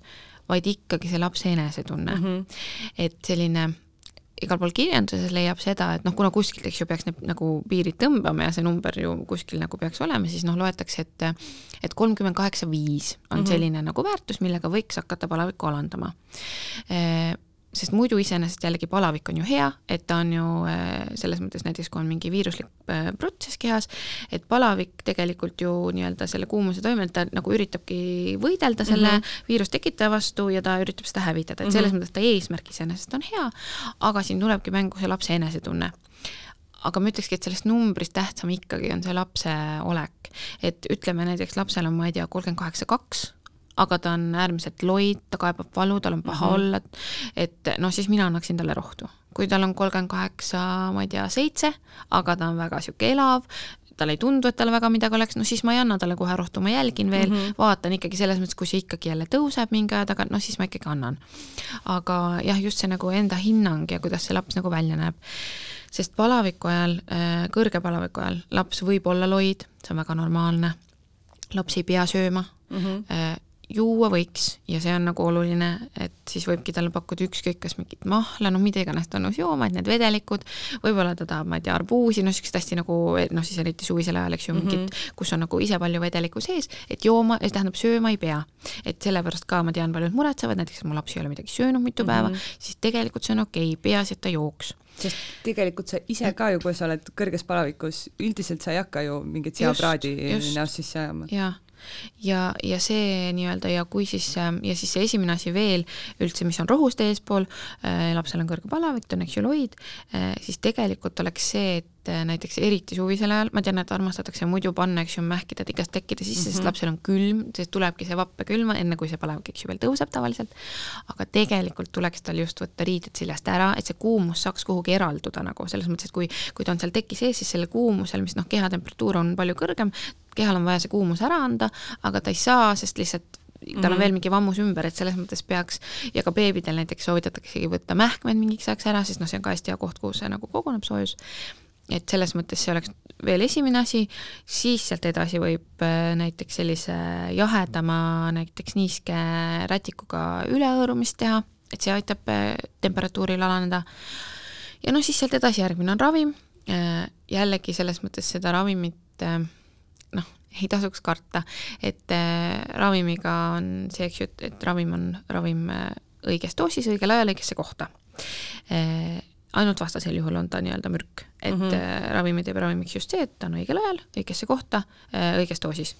et äh, selles mõttes, et ma, ma olen ka näinud seda näiteks, et tullakse haiglasse ja kui noh, lapsel on kõrge palavik ja ta küsid näiteks, et kas te rohtu olete andnud, siis noh, ma olen saanud ka vastuseid nagu, et ei, noh muidugi, et ei, me tulime kohe siia või mm, -hmm. või et ei, et ma ei, umbes, et ma ei tahtnud, et see nagu mm, muudab mingisugust siis näiteks analüüsi tulemust mm. -hmm. aga noh, õnneks või kahjuks mitte, kui nii-öelda, kui see on viiruslik, siis niikuinii seal analüüsides mm -hmm. pole midagi, kui see on bakteriaalne, siis kahjuks see palavikuraviim seda bakteriaalset nagu protsessi ära sealt mm -hmm. ei mhm. võta, et selles mõttes, kui lapsel on paha olla, siis tasuks talle rohtu anda, et ma ise ka pigem nagu noh, just kui sa mõtled nagu iseenda peale, et kui sul on paha või kui sul on valus või kui sul on mhm. kõrge palavik, sa ei taha olla nii jaa yeah., et ma olen ka nendest näiteks noh, mingite kõrvavaludega, kui, kui noh, võib-olla kuidagi ei, ma ei ütle, et nagu see kogu aeg nii on, aga lihtsalt mõnikord on tundunud, et mõnedel juhtudel kuidagi see usaldus nagu selle vastu, et lapsel ongi päriselt valus või mm, -hmm. või et seda kuidagi nagu ei kuulata või ei usuta mm, -hmm. et mhm. nüüd noh, et,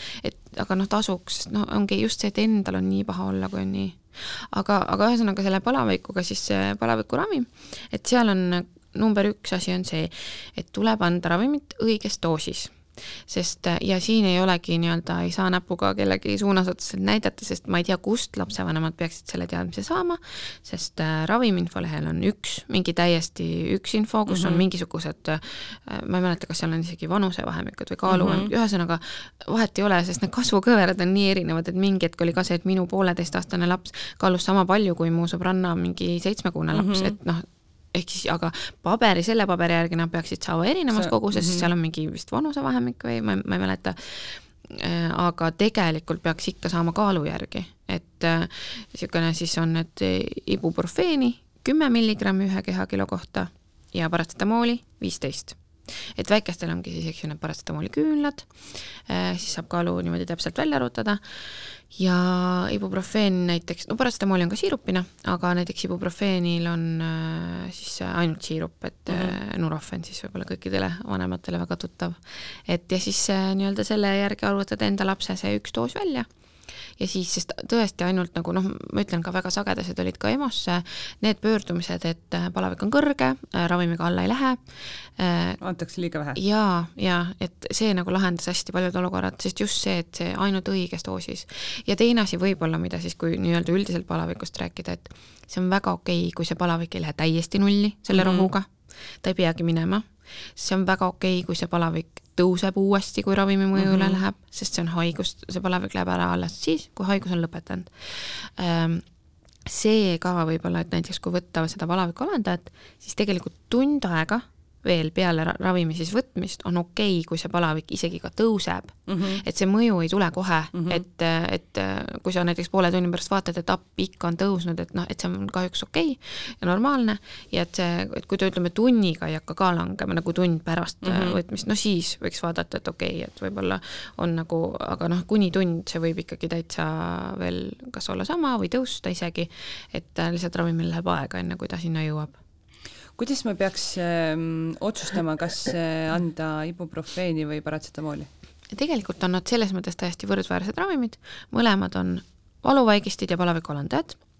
Nende eri, erinevus siis on sellises noh, niisugune keeruline sõna nagu farmakogeneetika, ehk siis põhimõtteliselt kust nad imenduvad mm -hmm. ja, ja üks ainuke erinevus veel on nende vahel see, et ibuprofeen on lisaks põletikuvastase toimega mm, -hmm. paratsetamool ei ole, aga mõlemad on, alandavad palavikku, mõlemad võtavad valu ära, et lihtsalt, äh, lihtsalt selles mõttes ibuprofeen, ibuprofeen on veel lisaks põletikuvastase toimega, aga muidu nad on täiesti võrdväärsed nad lihtsalt imenduvad siis äh, nii-öelda üks maksast, teine maast, et selles mõttes see on nagu erinev.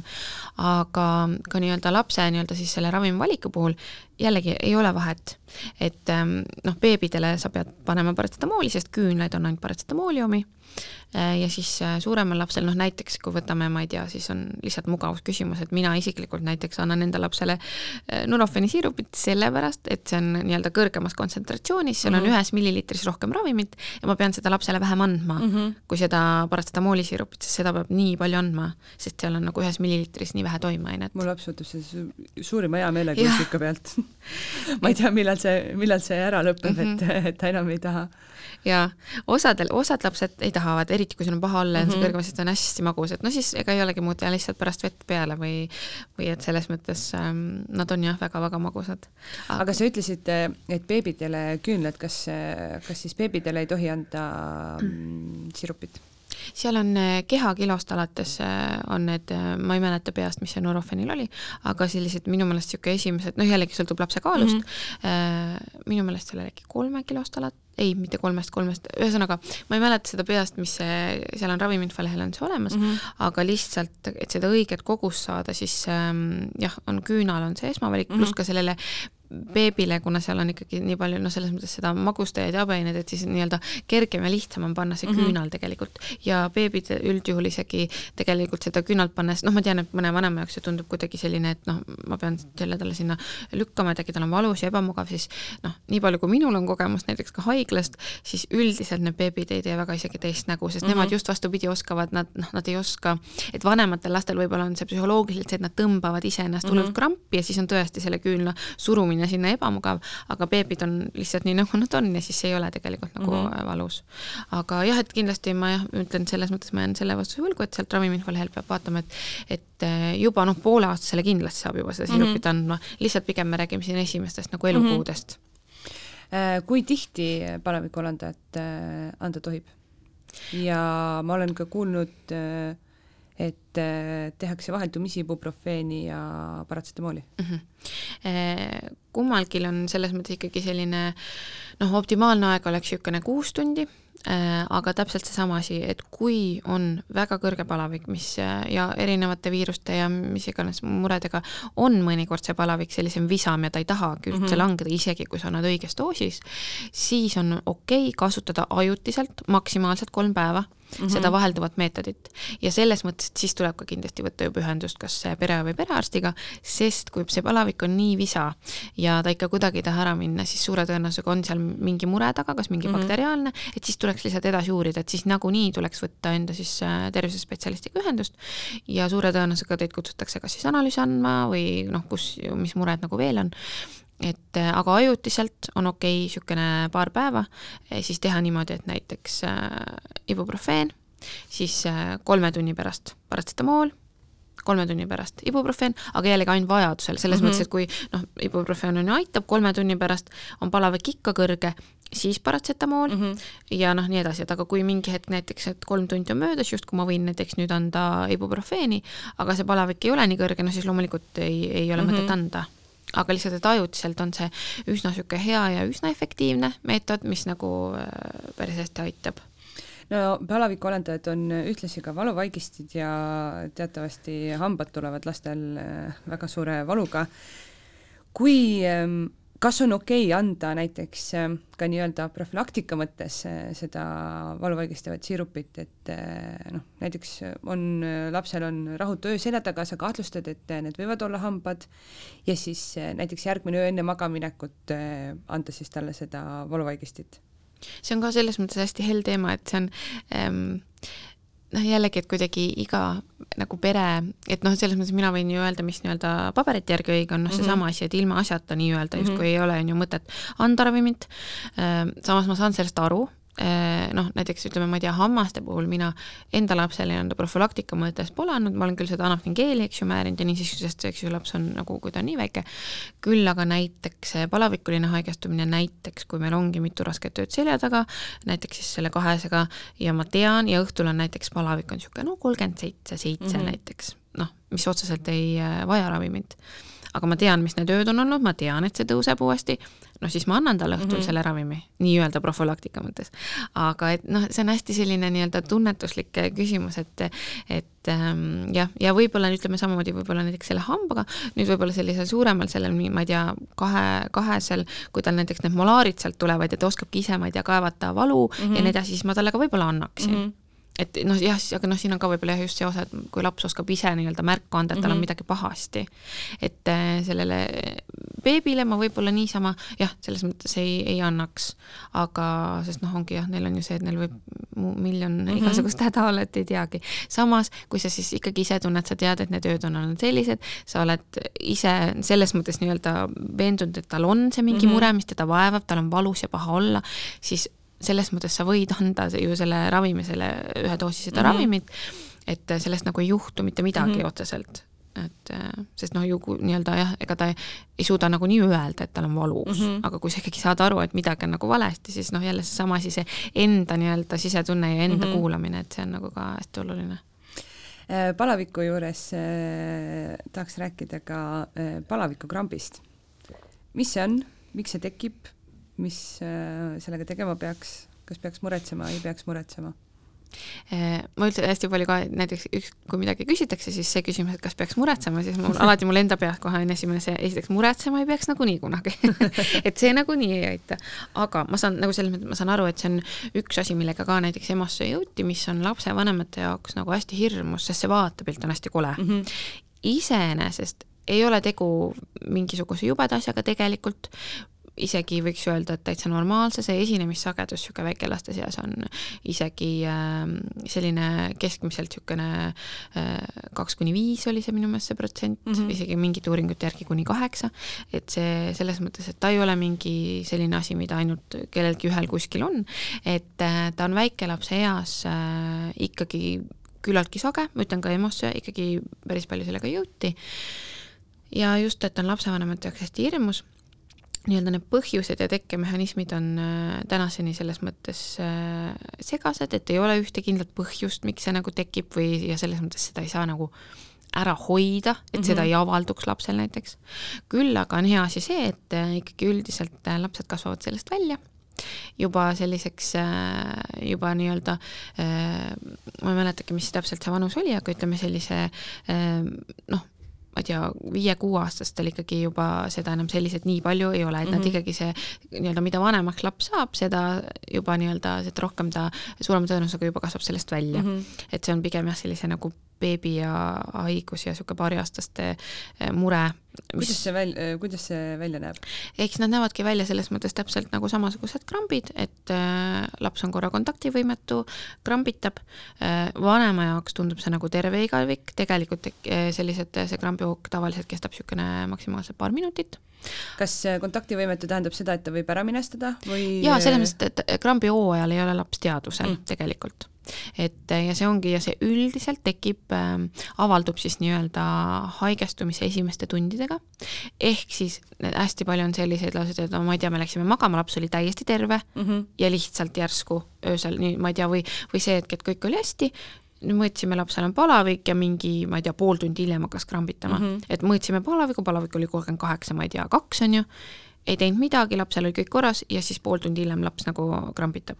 et ähm, see paraku on nii, see käib hästi kiiresti ja ütleme, sellel esimesel korral, kui see siis on, noh, ongi, see on siis hästi kiiresti, see tähendabki, et kehatemperatuur lihtsalt hästi kiiresti läheb hästi kõrgeks mm, -hmm. keha ei tule sellega toime selles mõttes ja siis lihtsalt äh, tekib see krambihoog ähm, selle hoo ajal siis jällegi noh, number üks asi, mida on hästi lihtne öelda, aga seesama, et sinu rahu on lapse rahu, see, et võimalikult, et see on okei okay,, nii, et ma, ma saan sellega hakkama, eh, krambi hooajal otseselt sul ei ole lapsele mitte midagi teha mm, -hmm. aga ainukene asi nagu ka tavalise epileptilise hooajal, et sa lihtsalt vaatad, et ennast ei vigastaks et ei oleks kuskil mingisuguseid teravaid asju, ei tohi talle midagi suhu panna jumala eest, mida vist vanasti tehti mm, -hmm. sest eh, noh, kõik sellised asjad, et põhimõtteliselt sa lihtsalt jälgid ja püüad lihtsalt hingata võib-olla, et selleks, sa tegelikult ei saa seal väga midagi teha, temaga kontakti ei saa, sa ei saa seda krampi katkestada ise mm, -hmm.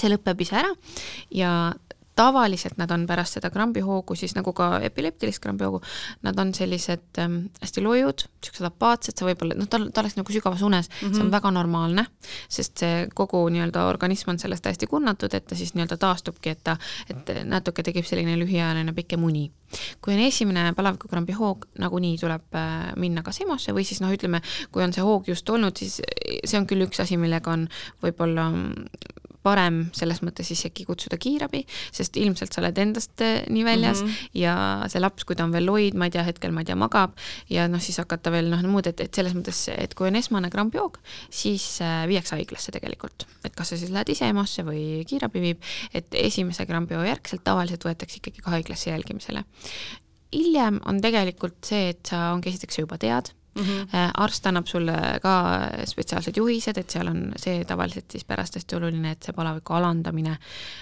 hakkaks veel palju madalamate väärtuste juures ja mm, -hmm. ja seal enam ei kehti näiteks see, et ma vaatan lapse pealt, et siis on juba ka see, et näiteks ma ei tea, lapsel on kolmkümmend kaheksa palavik, ma annan talle rohtu, vahet ei ole, milline ta mm -hmm. välja näeb, sest seal ongi lihtsalt see, et hästi kiiresti läheb see hästi kõrgeks, siis nagu avaldub mm -hmm. see. aga see, et see on nagu siis nii-öelda ühest küljest selline ennetamine selles mõttes, et sa, et sa saad, ongi seda, kui sa siis, eks ju, märkad, et nüüd on palavik, ma annan talle noh, see, seda nii-öelda siis spetsialistiga lepid kokku, et mis mm -hmm. piiris sa nii-öelda hakkad alandama, aga et siis sa kohe annad selle alandaja ära ja, ja et see on nagu see, mida sa saad teha, et siis võib-olla ei lähe see väärtus nii kõrgeks ja enam mm -hmm. ei mhm. teki seda krampi. aga selles mõttes sa ei saa nagu lapsevanemana midagi teha, et seda täiesti ära hoida või et see ei avalduks mm. -hmm. et, et selles mõttes, kui ta tuleb, siis ta tuleb nagunii. aga lihtsalt jah, et, et pärast on küll see tegelikult hästi oluline, et et, et sellega sa nagu saad aidata, et sa siis ähm, ikkagi, kui tekib see palavik, et sa siis palju varem, aga üldiselt ma ütlen ausalt, need emad või, või isad või need lapsevanemad, kes on seda krampi näinud enda lapsel, nad on järgmiste palavikega ikkagi väga sellised, et nad annavad, nad ei taha rohkem mm -hmm. seda näha, jah. kas äh, see on ka selline asi, et kui sa juba ühe korra on olnud, siis suure tõenäosusega see tulevikus juhtub uuesti? või ei pruugi? ei pruugi aga võib jah, et see ongi ka täpselt selline, et ta võib tulla uuesti, mõndadel ongi ainult ühe korra elus mm, -hmm. aga, aga noh, ütleme suurema tõenäosusega ta pigem nagu ikkagi käib mitu korda, aga mm -hmm. võib ka olla seesama, et võib-olla sa nii-öelda, et ta võib-olla muidu tuleks, aga sa annad õigele ravimit ja ta ei avaldu nagu rohkem. et ähm, on sul palaviku osas veel võib-olla mingeid asju, mida lapsevanemad teevad, ma ei taha öelda, et valesti, aga ikkagi ma ütlen, et teevad valesti? Äh, ega ei olegi otseselt needsamad, noh, eks ju see, et äh, ei tasuks väga toppida siis paksult riidesse mm, -hmm. kui lapsel on palavik. Äh, ja võib-olla sellised nii-öelda väiksed asjad, aga see number üks on ikkagi see, et ühest küljest, et neid ravimeid ei tasuks karta, kui neid on vaja anda.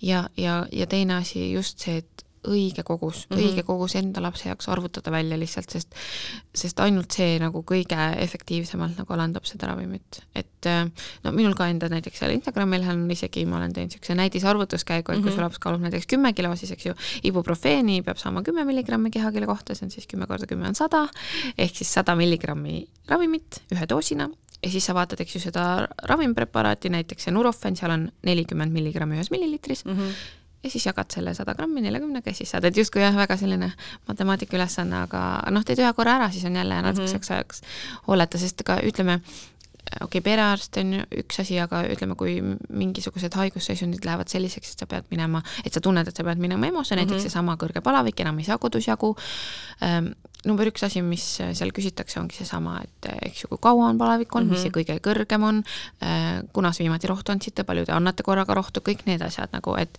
et, et selles mõttes siis on nagu hea neid ka ise kogu aeg jälgida ja mhm. teada mm, -hmm. sest kui sul on lõpuks nii-öelda sa tunned, et nii, nüüd on vaja abi, siis nad tahavad kõiki neid asju nagunii teada, sest see annab mm -hmm. nagu ka seda infot, et et noh, ma ütlen, mis ka EMO-s sageli tõesti õnneks selles mõttes juhtus, oligi see, et juba saime jaole sellega, et, et lihtsalt seda ravimit anti liiga vähe mm -hmm. ühe kogusena ja tegelikult see nagu lahendaski probleemi, viirus oli ikka viirus, sa ei saa niikuinii midagi teha mm. -hmm. ja, ja noh, ütleme veel et, et kuidas ma ütlen, et, et jälle seesama asi, et ma saan aru, et see on lapsevanema jaoks nagu halb ja paha taluda seda, kui mm -hmm. lapsel on paha olla, ta on loid palaviku ajal, mis on normaalne. et ja siin ei olegi midagi teha, kui lihtsalt kannatada, et ähm, et jah, võib, võib-olla jah, see teadmine, et see on okei okay ja nad ongi haiged ja, ja tulebki kannatada see nii-öelda enda jaoks ära, selles mõttes, et lihtsalt ähm, ka näiteks noh, EMO-sse näiteks on ka meil jõudnud niimoodi, et et äh, ma ei tea, et haiguse esimesed äh,, ma ei tea, laps on kak-, kaks tundi olnud kõrges palavikus mm -hmm. ja see hirm juba, et nii, et nüüd on nagu see kõrge palavik, aga tegelikult kahe tunni jooksul tegelikult haigus ei ole isegi mitte välja kujunenud mm, -hmm. et näiteks isegi tegelikult on võimatu öelda, kas tegu on viiruslikuga, kas tegu on bakteriaalsega, ei tea, sellest kujuneb et noh, suure tõenäosusega number üks asi on alati, et ta on viiruslik, aga lihtsalt mõnikord on see, et ta kujuneb alles bakteriaalseks või noh, mis iganes, et selles mm -hmm. mõttes, et, et ähm, et esimese kahe tunni jooksul nagunii ei ole võimalik mitte midagi öelda ja just needsamad asjad, et võib-olla et ma ikkagi usun seda, et see, ühest küljest eks see ennetus on hästi tänamatu töö, sest seda ei ole tegelikult võimalik mõõta mm -hmm. otseselt, aga just see, et ma ikkagi usun sellesse, et kui need ähm, teadmised on olemas nagu kõigest, mis ka, ka lihtsalt sellest, mis on normaalne mm -hmm. või et, et noh, et see on küll mul raske taluda lapsevanemana, aga ma saan aru, et ka mitte keegi teine ei saa minu last mm -hmm. nagu rohkem aidata, et ma teen kõik õigesti, et siis nagu see nagu juba aitab tegelikult mm, -hmm. siis on lapsevanemal endal nagu kindlam tunne ja ta saab enda lapse jaoks olla nagu nii-öelda kindlam ja tugevam tugi ja selles mõttes, et see nagu selles osas äh, olen täiesti nõus, et et kui äh, laps esimest korda jäi haigeks, äh, noh, eks ikka kohe helistasid paanikas perearstile või, või perearstiliinile, et äh, noh, nüüd on see, et viimati just oligi, pidime, pidime lapsele minema teist puugivaktsiini tegema ja noh, ta jäi köhasse nõusse ja siis ma mõtlesin, et, et noh, et kas seda võib teha, helistasin perearstile lihtsalt, et küsida, et kas ma tulen temaga täna või pigem ei tule noh, üldse ma ei tahtnud, ma ei tahtnud üldse vastuvõtule selles mõttes minna, et ma teadsin tal lihtsalt köhanohu ja noh, läheb üle ja siis väga armas oli, et siis pereõde hakkas kohe uurima, et kas me tahame vastuvõtule, kas palavik on ja noh, küsis mm -hmm. kõik mhm. need asjad üle, ma ütlesin, et ei, et no ei ole midagi, et sellepärast ei ole üldse vaja muretseda, et et kui tundub, et, et peaks, et siis küll ma helistan mm, -hmm. et no lihtsalt sa oled selle juba läbi teinud, aga mm -hmm. tõesti, kõige esimene kord on alati kõige hullem mm. -hmm Hanna, aitäh sulle, me teeme siia väikese kahenädalase pausi, meil Hannaga on teemasid veel ja me kohtume Hannaga veel järgmises saates. kuula beebipalavikku üle nädala neljapäeviti Spotify'st, iTunes'ist või kust iganes oma podcast'id leiad